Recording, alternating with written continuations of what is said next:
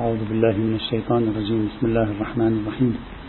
الحمد لله رب العالمين وصلى الله على سيدنا محمد وعلى آله الطيبين الطاهرين.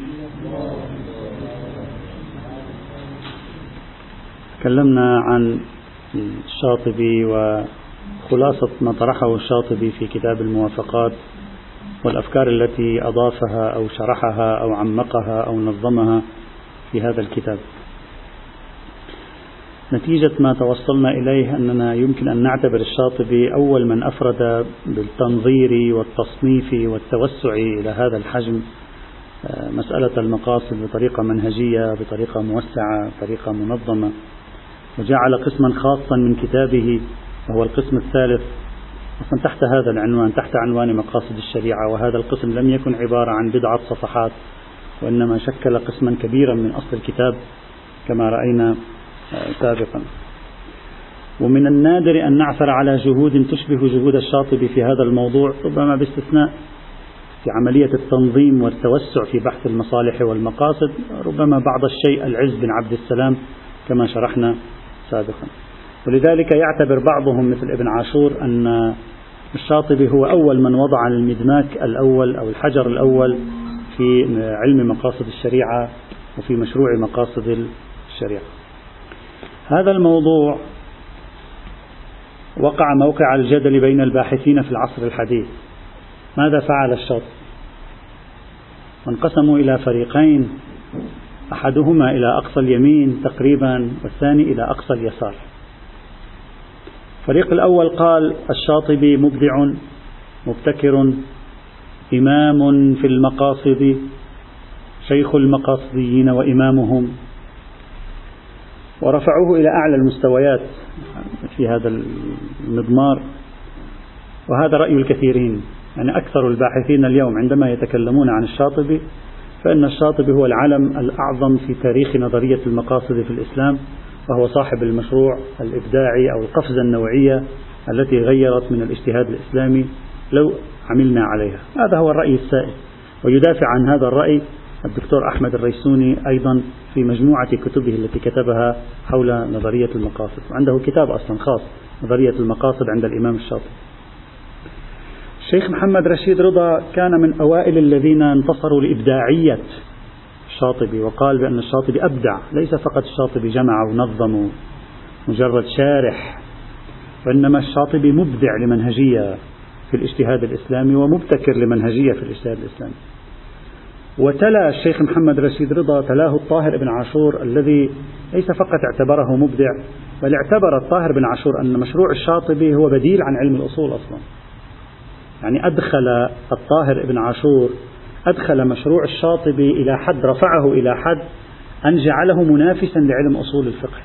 وقال علم أصول الفقه له طريقته الخاصة أما علم المقاصد فله طريقة خاصة أخرى. يعني ما فعله الشاطبي ليس تطويرا لنظرية داخل علم أصول الفقه. ما فعله الشاطبي ابتكار منهج جديد موازن لأصول الفقه بإمكانه أن ينافس أصول الفقه أصلا. هذا رأي من؟ هذا رأي الطاهر بن عاشور الذي سوف نتكلم عنه إن شاء الله تعالى. والقيمة المضافة التي فعلها الشاطبي عند ابن عاشور أنه بنى الاجتهاد الشرعي على اليقين. ابن عاشور كما سوف نتكلم إن شاء الله تعالى يعتبر أن أصول الفقه الإسلامي بنى الاجتهاد الشرعي على الظن جعلنا نألف الظن وجعلنا نعتاش على الظن. أما الشاطبي برأي ابن عاشور فأراد أن يستبعد الظن الذي أتانا به علم الأصول لصالح يقين يأتينا به علم المقاصد. هذا الرأي الأول الذي يرفع الشاطبي إلى أعلى عليين ويعتبره أنه صاحب قفزة نوعية كبيرة وأنه أصلا يكاد يكون بديلا عن العلوم الاجتهادية الأخرى. هذا رأي رأي ثاني على العكس تماما. يحترمون الشاطبي ويؤمنون بالشاطبي ولكن لا يرون في الشاطبي أكثر من شخص منظم مبوب شارح ذاكر لأمثلة. هذا هو الشاطبي. ليس عنده أي شيء إبداعي مهم يمكن أن نعول عليه أو أن نراهن عليه. هذا رأي آخر. أبرز شخص ذهب إلى هذا الرأي هو الدكتور سالم يفوت. سالم يفوت الباحث المغربي الذي أشرنا إليه سابقا على ما تذكر في كتابه حفريات المعرفة العربية الإسلامية. في هذا الكتاب هو يرى رأيا خلاف الرأي السائد للمحللين الذين درسوا الشاطبي وما أكثر الذين درسوا الشاطبي. يرى رأيا سائدا ويعتبر أن الشاطبي لم يقم بقفزة إبستمولوجية بتعبيره. لم يقم بأي قفزة معرفية. الشاطبي ما ما في شيء. هو نفسه هذا الذي كان موجودا في أصول الفقه السني. وليس هناك من شيء مهم. نعم الرجل منظم موسع للبحث بالأمثلة بالترتيب. يعني هذه الأشياء لا بأس بها. يمكن أن نعطيه قيمته إلى هذا الحد. أما أن نعتبر أنه لو قارناه بمن قبله يشكل قفزة أو بحسب تعبيره قفزة إبستمولوجية لا ما في شيء جديد. الطريقة التي طرحها الشاطبي المعتمدة على الاستقراء هي طريقة الأحناف. وهي نفس طريقة الأحناف. وعندنا كما تعرفون في أصول الفقه السني مدرستين. مدرسة الفقهاء يعني المدرسة التي تؤسس أصول الفقه على الفقه والمدرسة التي تؤسس أصول الفقه بطريقة كلامية. المدرسة التي تؤسس أصول الفقه بطريقة كلامية هي مدرسة أصول الفقه الإسلامي التي آه، تشتغل على نفس طريقة المتكلمين. إن قلت قلت والدليل الأول والدليل الثاني وهذه الطريقة اللي هي نحن نستخدمها كلنا نستخدمها. سالم يفوت وأنصار سالم يفوت الذين طرحوا عدم إبداعية الشاطبي هكذا قالوا. قالوا الشاطبي لم يستخدم طريقة المتكلمين يعني طريقة الأصوليين المتكلمين. التي أعجبت بحسب رأي سالم يفوت أعجبت المعتزلة وأعجبت الشيعة وأعجبت الشافعية وأسسوا علوم أصول الفقه الإسلامي على أساس طريقة التفكير الكلامية. يقول في حين أنه توجد مدرسة أخرى وهي مدرسة الأحناف التي ظهرت في الفترة اللاحقة القرن الخامس الهجري وما بعد وهي المدرسة التي أسست أصول الفقه الإسلامي على الفقه نفسه واعتمدت الاستقراء. الأحناف هكذا يفعلون. يقولون هل عندنا قاعدة أصولية مثلا الظهور حجة؟ يبحثون في الفقه فيرون أن فقههم خاصة فقههم هم. فقه علمائهم هم. يتتبعون علماءهم فيرون علماءهم في كل الموارد استخدموا الظهور. فيقولون قاعدة الظهور حجة. هل القياس حجة؟ يذهبون يراجعون تجربة الفقه الإسلامي. فيرون الفقه الإسلامي. بنى على أن القياس حجة فيقولون القياس حجة. فالأصول ناتج الفقه وليس أصل الفقه. هذا معنى الطريقة الاستقرائية التي سلكها الأحناف. يعني اعتبروا الفقيه لما بيخوض التجربة يخوضها بعفوية. نحن نستنتج قواعده الأصولية من ذهنه ونقول هذه هي قاعدة الفقه. لا أننا نبني قواعد للفقه وبعدين نذهب بالقواعد لنطبقها في الفقه نفسه. هذا هو الفرق. الدقيق بين مدرستين كبيرتين في تاريخ الاجتهاد السني. مدرسة بناء الأصول على الكلام ومدرسة بناء الأصول على الفروع. التي أشرنا إليها سابقا عدة مرات. شيء يبني الأصول على الفروع شيء يبني الأصول على الأصول اللي هي الكلام. ويستخدم طرائق المتكلمين. شوف نحن طريق نحن الآن طريقتنا كلامية. الآن في أصول الفقه الكفاية آه، سيد الشهيد الصدر الشيخ الأنصاري طرق كلامية. لا لا لا. منهج الكلام نعم. نعم نعم. المنهج الكلامي طرائق المتكلم. يعني كأنما هو متكلم غاية الأمر لا يبحث في صفات الله عين ذاته أو لا يبحث في أن الظهور حجة أو لا. نفس الطريقة نفس الآلية يأتيك لذلك تجد أدلة عقلية كثيرة وتجد استخدام أساليب الفلسفة والمنطق تجد الأصول الفقه الشيعي والمعتزلي الآن إذا تفتح كتاب البصري الحسين البصري صاحب كتاب المعتمد في أصول الفقه وهو من كبار علماء أصول الفقه وهو معتزلي. تجد طرق متكلمين. إذا تفتح الشيخ الطوسي العدة إذا تفتح الذريعة للسيد المرتضى طرق كلامية. نفس كأنك تفتح كتاب الشافعي. نفس الطريقة. وتجد البراهين العقلية وتجد برهان الخلف وتجد المصطلحات الكلامية والمنطقية. كلها غزت علم أصول الفقه. هذه المدرسة تسمى بناء الأصول على الكلام يعني على المنهج الكلامي والذهنية الكلامية. بينما ذاك بناء الأصول على الفقه يعني على المنهج الفقهي. وبالتالي قال سالم يفوت وأمثال سالم يفوت قالوا بأن الشاطبي هو فرع مدرسة الأحناف. يعني ليس ليس منهجا جديدا معرفيا في الاجتهاد. هو متفرع عن مدرسة كانت موجودة قبله. نعم ليست هي مدرسة المالكية التي ينتمي إليها الشاطبي. وإنما هي مدرسة الأحناف الذين يتتبعون الموارد الفقهية الجزئية ويخرجون بقاعدة. الشاطبي أخذ نفس الطريقة طبق وسع شوي. فليس عنده شيء. إبداع قفزة أنت تشعر قبل الشاطبي كانوا يفكرون بطريقة الآن هو طريقة ثانية صرنا في عالم آخر ومن زاوية أخرى. أبدا لا يوجد شيء من هذا القبيل في رأي هؤلاء الباحثين. فإذا في عندنا تقييمين لتجربة الشاطبي. أنا باختصار أقول لأن البحث في قراءات العلماء المعاصرين خلال القرن العشرين. قراءة للشاطبي يحتاج إلى عشر جلسات فقط حتى أعرضه لأنه كثيرون كتبوا عن الشاطبي عبد المجيد التركي محمد عابد الجابري كلهم آه، جورج طرابيشي كل هؤلاء كبار المفكرين الذين بحثوا في العقل الإسلامي درسوا الشاطبي.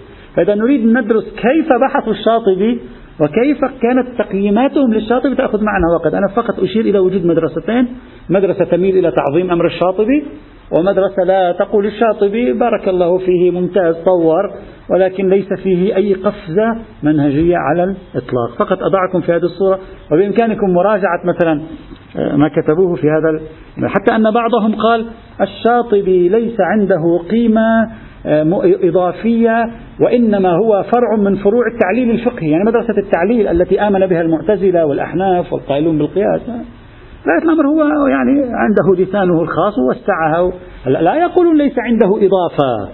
يؤمنون بأن الرجل له يعني له مكانته لكن ليس قفزة كما صوره المتحمسون له الذين تحمسوا له إلى أبعد الحدود. هذه تقييمات آه، موجودة في هذا المجال. ولذلك هؤلاء الناقدون للشاطبي ليس الناقدون عفوا المحللون للشاطبي بتحليل أكثر تواضعا يعتبرون أن جذور أفكار الشاطبي موجودة عند الغزالي. موجودة عند الأحناف موجودة عند مسالك التعليل في القياس موجودة عند ابن رشد موجودة عند ابن حزم. كل يقولون يأخذون مفردات المكونات نظرية الشاطبي ثم يجدون لها أصل في المدارس والمفكرين السابقين والعلماء المسلمين السابقين في هذا المضمار. على أي حال هذه وجهات مهما اختلفنا في تقويم أعمال الشاطبي هل هي إبداع وقفزة منهجية هل هي تطوير في داخل مدرسة يعني هل هو طور في داخل مدرسة كانت موجودة أو هو أسس مدرسة جديدة؟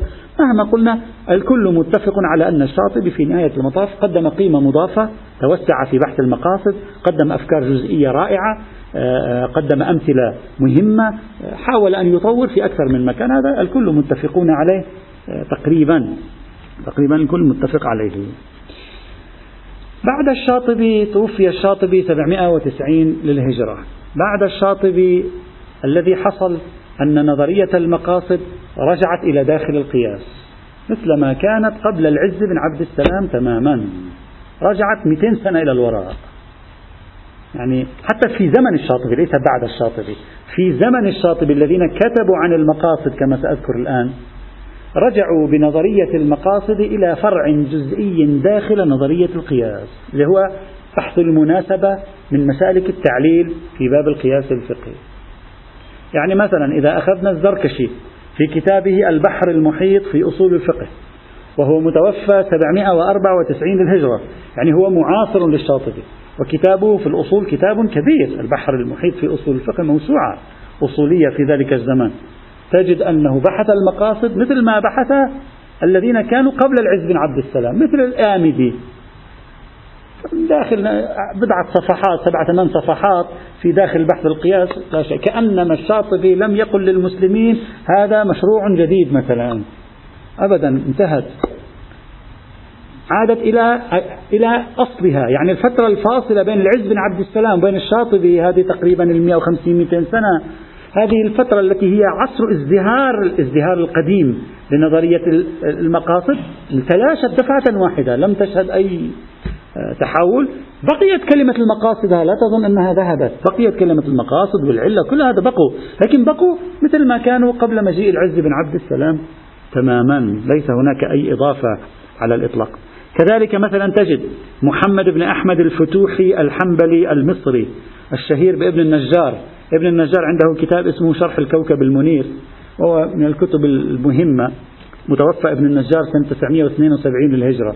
أيضا تعرض لنظرية المقاصد أيضا نفس الشيء بحثها في القياس. المباحث ببضع صفحاتها ليست شيئا يذكر. مثلا الأصولي الكبير المعروف وهو إمام مستقل وهو الشوكاني. الشوكاني إمام مستقل ليس تابعا لمذهب.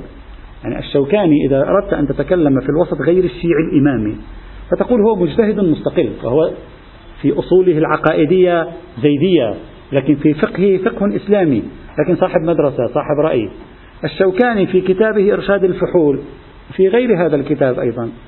الشوكاني بحث أيضا نظرية المقاصد أيضا بحثها في القياس في بضع صفحات أنواع المناسب والتعليل والضروريات والحاجيات والتحسينات هذا رجع كررهم هم نفسهم بدون أي إضافة على الإطلاق. والشوكاني متوفى 1250 للهجرة يعني قريب عهد في هذا الموضوع. وبالتالي الذي حصل بعد وفاة الشاطبي بل في زمن الشاطبي أن النظرية كانت تتطور مع العز بن عبد السلام ثم مع ابن تيمية تطبيقا ثم مع ابن قيم الجوزية تطبيقا وتنظيرا ثم بلغت أوجها تنظيرا مع الشاطبي دفعة واحدة سقطت اختفت أصلا. اختفت. والقياس عند السنة لم يتطور في هذه الفترة فبقيت على حالها تتكرر وتلوك نفسها لا أكثر ولا أقل. إلى أن جاء القرن أواخر القرن التاسع عشر بدايات القرن العشرين. شهد التحول. أول التحولات الحقيقية هي مع الشيخ محمد عبده المتوفى سنة 1905 للميلاد. مع الشيخ محمد عبده. الشيخ محمد عبده لا أريد أن أدخل الشيخ محمد عبده قاد حركة إصلاحية كبيرة في العالم الإسلامي وقاد حركة إصلاحية كبيرة في الأزهر. يعني في نفس الأزهر. بعده. نعم نعم. تأثر. ابن عاشور التقى محمد عبده في تونس وكان شابا صغيرا وتأثر به. بعدين ابن عاشور جاء. فهذه الحركة التي أطلقها محمد عبده حركة الإسلام الحضاري. هذه هذه المفاهيم كانت حاضرة عندهم بقوة. الإسلام بوصفه حضارة الإسلام بوصفه أمة. هذه المفاهيم هذه الحركة طعمها طعمها محمد عبده بأفكار مقاصدية واستخدم مفردة المقاصد أيضا والمصالح وعزز من حضورها في التفكير الفقهي وعزز من حضورها في التفكير التفسيري أيضا وما شابه ذلك. بل إن محمد عبده كما ينقل عنه درس سلسلة من الدروس حول مقاصد الشريعة في الأزهر. يعني ألقى سلسلة من الدروس في أواخر القرن التاسع عشر من الدروس حول مقاصد الشريعة في في نفس الأزهر على آه، الطلاب في هذا المجال. وبعده وعلى يديه أيضا وبعده ومعه يعني مجلة المنار التي هو كان يشرف وهو أستاذ من أسسها اللي هو محمد رشيد رضا نتكلم عنه الآن. في زمانه مجلة المنار هي التي أطلقت إحياء البحوث المتعلقة بالمصلحة وإحياء البحوث المتعلقة بالمقاصد وأعادت طباعة رسالة المصلحة لنجم الدين الطوفي وطبعت سلسلة من المقالات تتصل بنظرية المقاصد وأحيت ذكرى الشاطبي.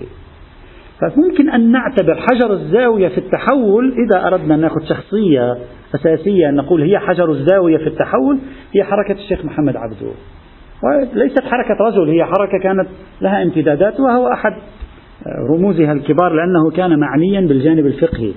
وهذا هو الفرق بين جمال الدين وعبده. جمال الدين ما كان معنيا بالبحوث الفقهية وتطوير التعليم وتطوير الفقه وتطوير الدراسات الدينية.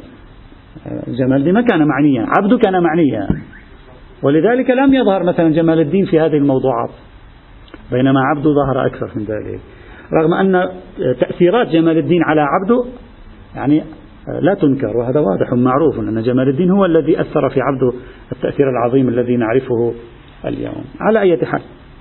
قبل أن أتعرض للمشهد المعاصر عبد هذا أكتفي بهذا الموضوع الشيخ محمد عبده ليس عنده دراسة مستقلة حول المقاصد لكن هو يعني الذي أحيا بثقافته وبفكره وبطريقة تفكيره وأثر في تلاميذه أحيا نظرية المقاصد قبل أن نبدأ بالحديث عن العصر الحديث يأتينا سؤال لماذا أحيت نظرية المقاصد في العصر الحديث؟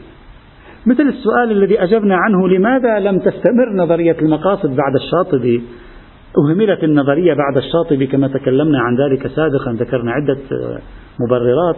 الآن نسأل ما السبب يا ترى الذي يدفع نظرية من هذا القبيل إلى أن تحيا فجأة بعد أن طمرها النسيان؟ ما هي الظروف الموضوعية التي يمكن أن تكون قد ساعدت؟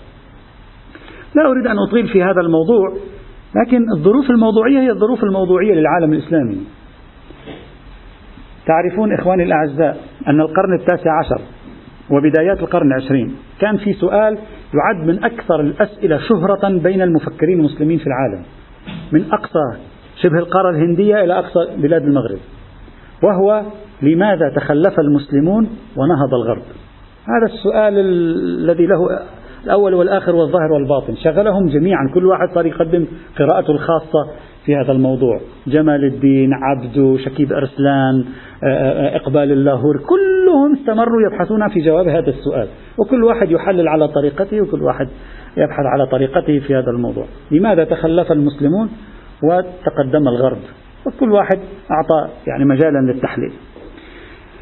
أجمعوا برمتهم تقريبا إذا لا أريد أن أقول أجمعوا بدون تقريبا يمكن ما تتبعناهم جميعا. أجمعوا على أننا نعاني من مشاكل. هذا لم يناقض لم يتجرأ أحد أن يقول نحن ليس عندنا مشاكل.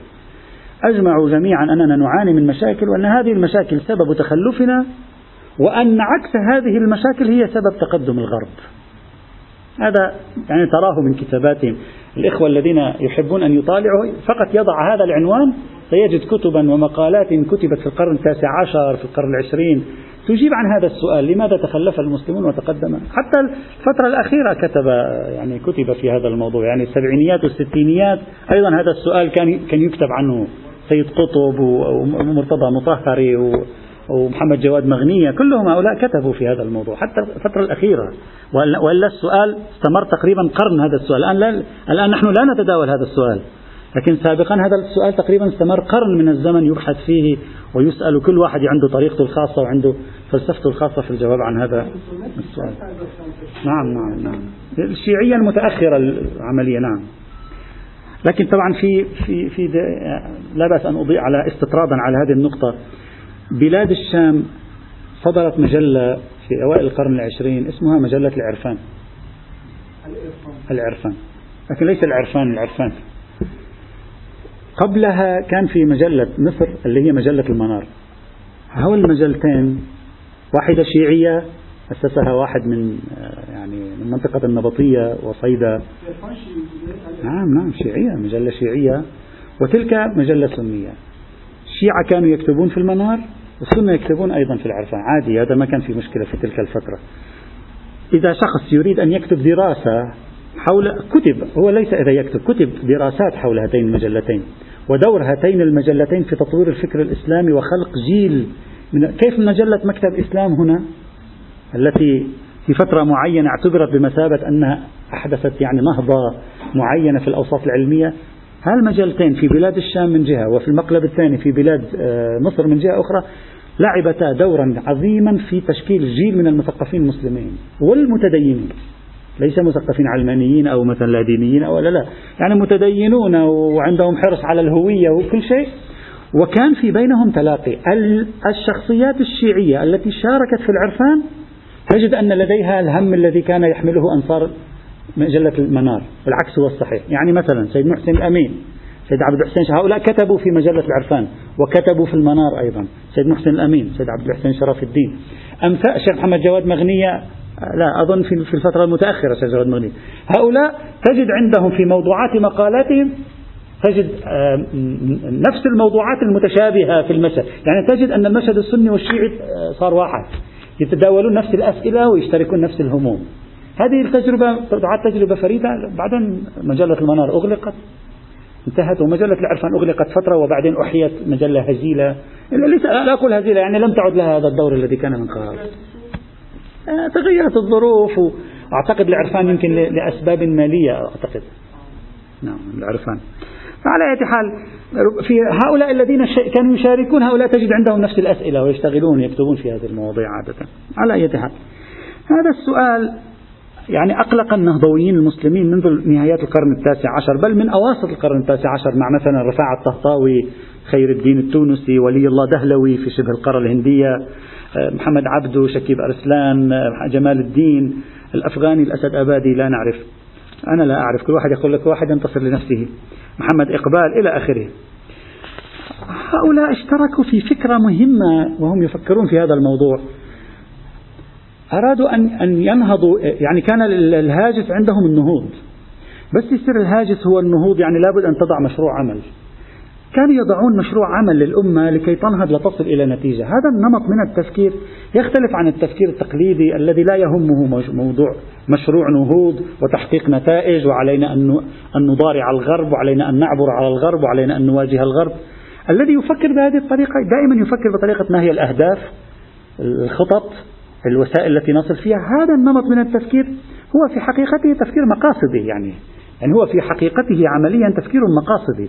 لذلك هؤلاء تلقائيا يهمهم أي مشروع يمكن أن يدلهم على الطريق للوصول إلى نتائج أكثر من المشروع الذي يقول لهم تنجيز وتعذير أكثر من المشروع الذي يقول لهم هذا واجب شرعي وهذا حرام شرعي وأنا لا أعرف شيئا أكثر من هذا. ولا أعرف النتائج ما هي ولا أخطط للمستقبل شيئا. فقط أنا يهمني أن أقوم بالتكليف الشرعي في زماني وهذا تكليف الفردي لا أكثر ولا أقل. هذه الطريقة التي دخلت على هؤلاء في التفكير هي عبارة عن طريقة النهضة الرؤية المستقبلية وضع خطط استراتيجية تحويل الشريعة إلى قراءة منظومية يعني منظومة كاملة وهذه المنظومة تريد أن تصل بالإنسان إلى النهضة. ودائما كان السؤال عندهم هو النهضة.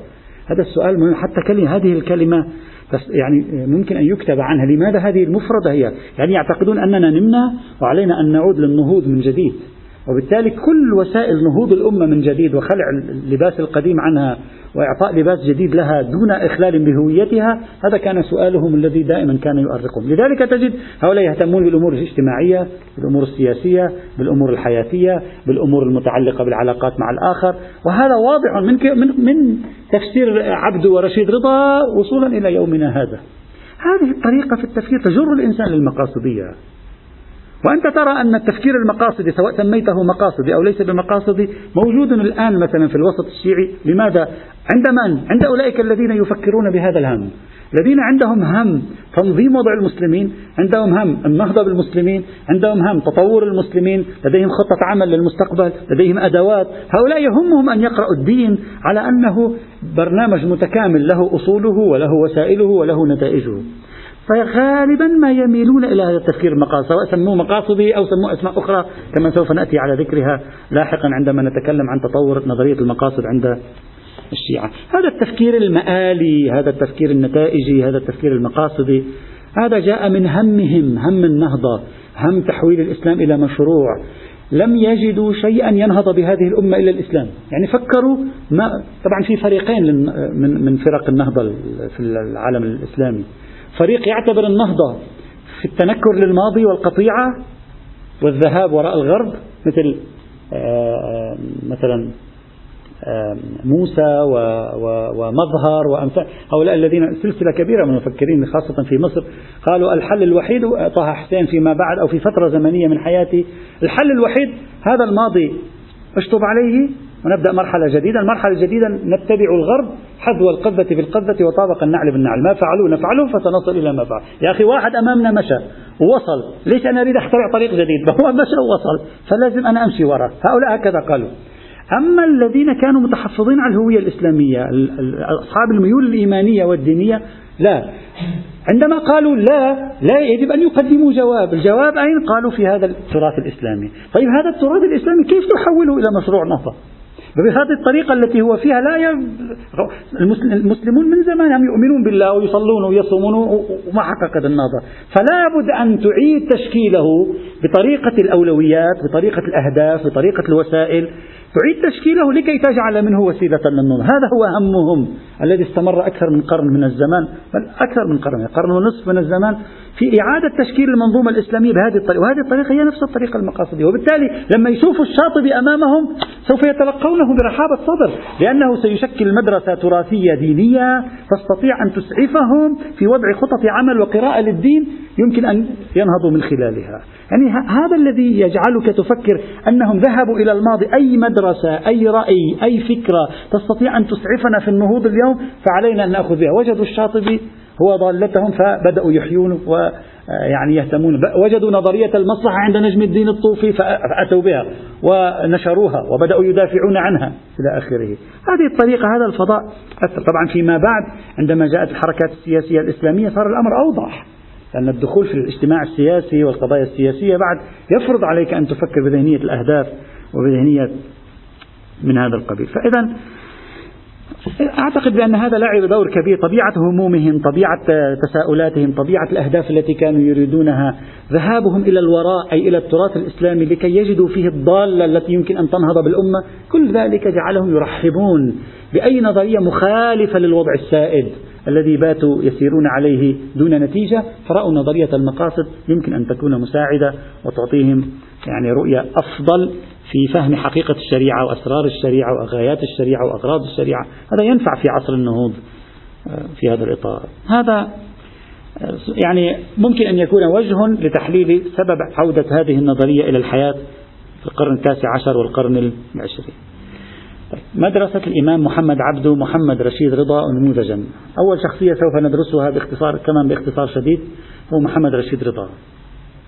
محمد رشيد تلميذ الشيخ محمد عبده يعني بعد محمد عبده أول شخص نواجهه يفتح قضية المقاصد ويقوي حضورها في العالم الإسلامي هو الشيخ محمد رشيد رضا. الشيخ محمد رشيد رضا طبعا هو نحن نقول عنه الشيخ محمد رشيد رضا هو حسيني النسب. يعني هو بحساباتنا نحن سيد. والسيد محمد رشيد رضا لازم يكون لكن هو باعتبار سني ما عندهم سيد وهذا. فهو الشيخ محمد رشيد رضا. هو حسيني النسب بغدادي الأصل يعني جذور عائلته قبل مئات السنين. بغدادية لبناني من شمال لبنان من منطقة اسمها القلمون جنوب, جنوب مدينة طرابلس. لبناني المولد والنشأة ومصري الحياة والعيش والوفاة. فهذا بين الملل. نعم بين الملل. أصول أسرته القديمة بغدادية أسرته في, في لما ولد لبنانية نشأ في لبنان وترعرع في لبنان إلى فترة زمنية تعلم فيها العلوم الدينية. بعد ذلك الشيخ محمد عبده في فترة من الفترات الملكية المصرية حاربته ولاحقته فهرب من مصر. له قصة طويلة. فهرب من مصر فجاء إلى بيروت. بيروت كانت يعني شوية مجال الحريات فيها واسع. فجاء إلى بيروت فألقى سلسلة من الدروس الدينية في بيروت. لم يتمكن رشيد رضا أن يلتقيه في بيروت لكن محمد عبده كان يذهب إلى المدن أحيانا. فذهب مرتين ثلاث مرات إلى طرابلس فالتقى به رشيد رضا وهو شاب فتأثر به كثيرا. يعني أعجب أيما إعجاب به بحيث بعد فترة عزم على أن يذهب إلى مصر ليلتحق به. بعد أن رجع آه، آه، محمد عبده إلى إلى القاهرة. فالتحق به وتلمذ على يديه فترة طويلة وكتب تقريرات دروسه في التفسير وطورها من عنده لذلك هذا التفسير. ممكن تنسبه لمحمد عبده ممكن تنسبه إلى رشيد رضا. وبتوجيهات منه أسس مجلة المنار التي شهدت قفزة فكرية ثقافية كبيرة في آه، يعني بلاد المسلمين في تلك الفترة. طبعا آه، ولد سنة 1865 وتوفي سنة 1935 ميلادية. مجلة المنار أول عدد منها صدر 1898 يعني قبل وفاة محمد عبده بثمان سنوات تقريبا أو سبع سنوات. 1898 أول شيء يواجهنا ونحن ندرس محمد رشيد رضا أول شيء ما هي المقاصد؟ شوف كل واحد يعرف الأشياء بحسب حاجته وحاجة زمانه. يعني يفهم الأشياء بحسب حاجة زمانه. ومتطلبات عصره. عندما تذهب إلى متفرقات كلمات محمد رشيد رضا في التفسير في مقالاته التي كتبها في المنار عندما تراه يعرف المقاصد يعرفها بأنها هموم عصره. يعني الأشياء التي هو يريدها في زمانه. مثلا المقاصد العدالة الاجتماعية تحقيق المساواة في الحقوق بين البشر. هذه المقاصد عنده. يعني نفس المفهوم الذي يعتبر هو أنه المفهوم الذي يؤدي إلى نهضة المسلمين العدالة الاجتماعية تحقيق المساواة في الحقوق بين الناس إلى آخره. هذا لأن موضوع العدالة وتحقيق المساواة كان أهم موضوع يعتبرون أن نهضة المسلمين قائمة عليه. سابقا تكلمنا في العام الماضي عن عبد الرحمن الكواكبي الشيخ عبد الرحمن الكواكبي المفكر السوري المشهور. وقلنا كيف أنه كتب كتاب كتابه ضد الاستبداد لأجل ماذا؟ لأجل أن يقول المشكلة الأساسية في العالم الإسلامي التي تؤدي إلى عدم نهوض المسلمين هو مشكلة الاستبداد. المسلمون أدمنوا الاستبداد واعتادوا عليه الاستبداد الديني والاستبداد السياسي والاستبداد الاجتماعي والعشائري إلى آخره. فمحمد رشيد رضا من هذا الباب. لذلك يعتبر أن نهوض المسلمين قائم على العدالة الاجتماعية وعلى تحقيق المساواة في الحقوق. فلما يأتي إلى نظرية المقاصد ويريد أن يقول الشريعة لها مقاصد ومقاصد الشريعة يقول تحقيق العدالة الاجتماعية وتحقيق المساواة في الحقوق بين الناس. فلاحظ كل واحد يعرف المقاصد بحسب رؤيته هو في زمانه لما هي المصالح التي ترجى من وراء الشريعة الإسلامية. أو مثلا تجده في موضع آخر يقول من مقاصد الشريعة أن تصبح الأمة متعلمة ولا تبقى أمية. هذا الموضوع موضوع الأمية موضوع مهم جدا اهتم به كثير من المفكرين المسلمين في أواخر القرن التاسع عشر أوائل القرن العشرين. يعني نشر التعليم محو الأمية هذا موضوع كان مهم جدا. الصراع كان كان يعتبر النهضويون أحد علاماتهم تأسيس المدارس. هذه خليها في بالك. أحد العلامات التي كانت تميز المفكرين النهضويين في العالم الإسلامي دعوتهم لتأسيس المدرسة العصرية يعني التعلم القراءة الكتابة علوم الطب علوم الكذا هذا كان محل صراع. هذا حتى بين الشيعة صار أيضا مثلا بين السيد عبد الحسين شرف الدين وبين وبين السيد محسن الأمين العاملي وقع صراع في بداية القرن العشرين. السيد عبد الحسين شرف الدين كان ضد المدرسة العصرية في البداية. قال المدرسة العصرية ترويج الباطل. ترويج الثقافة الغربية المدرسة العصرية يعني الابتدائي والثانوي والمتوسطة هذه اليوم موجودة. قال هذه ترويج الباطل؟ ترويج الثقافة الغربية. وهذا كان رأي فريق كبير ليس يعني رأي فرد. فريق كبير سنة وشيعة. وبالتالي أنت لما تجيب المدرسة العصرية يعني أنت تأتي بكل نمط التثقيف والتعليم الغربي لتنشره في بلاد المسلمين فأنت إذا يعني قضيت على الثقافة الإسلامية. وظهور المدرسة العصرية مشايخنا الكرام يؤدي إلى ضعف الكتاتيب. الكتاتيب هي المدارس الصغيرة التي كانت تحت الأشجار يلقي فيها الشيوخ تعليم القرآن و, و نعم هذه كلها مكتوب حولها دراسات تاريخية.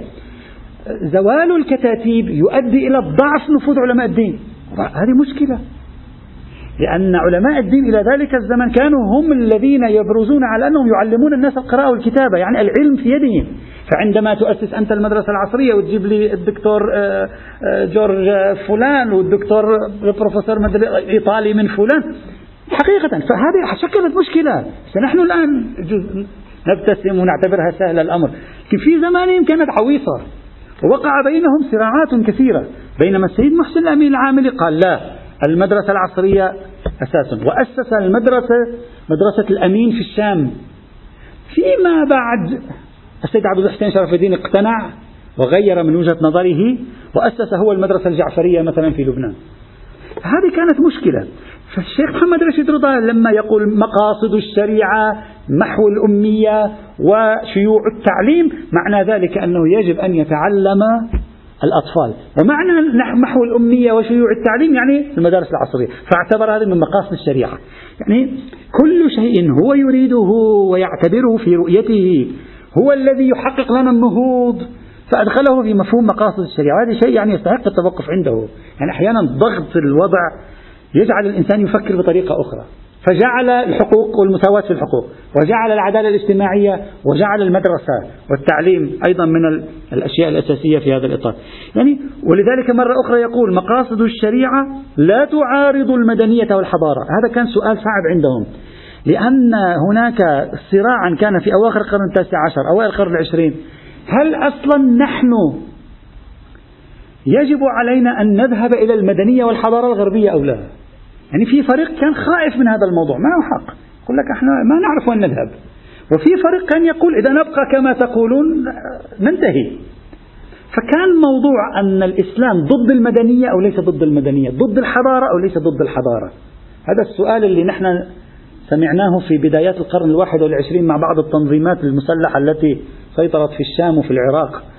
الذين كانوا يلغون ألغوا نظام التعليم وألغوا المدارس وألغوا كتب الرياضيات وألغوا الكذا نفس هذه الفكرة كانت موجودة قبل 150 سنة.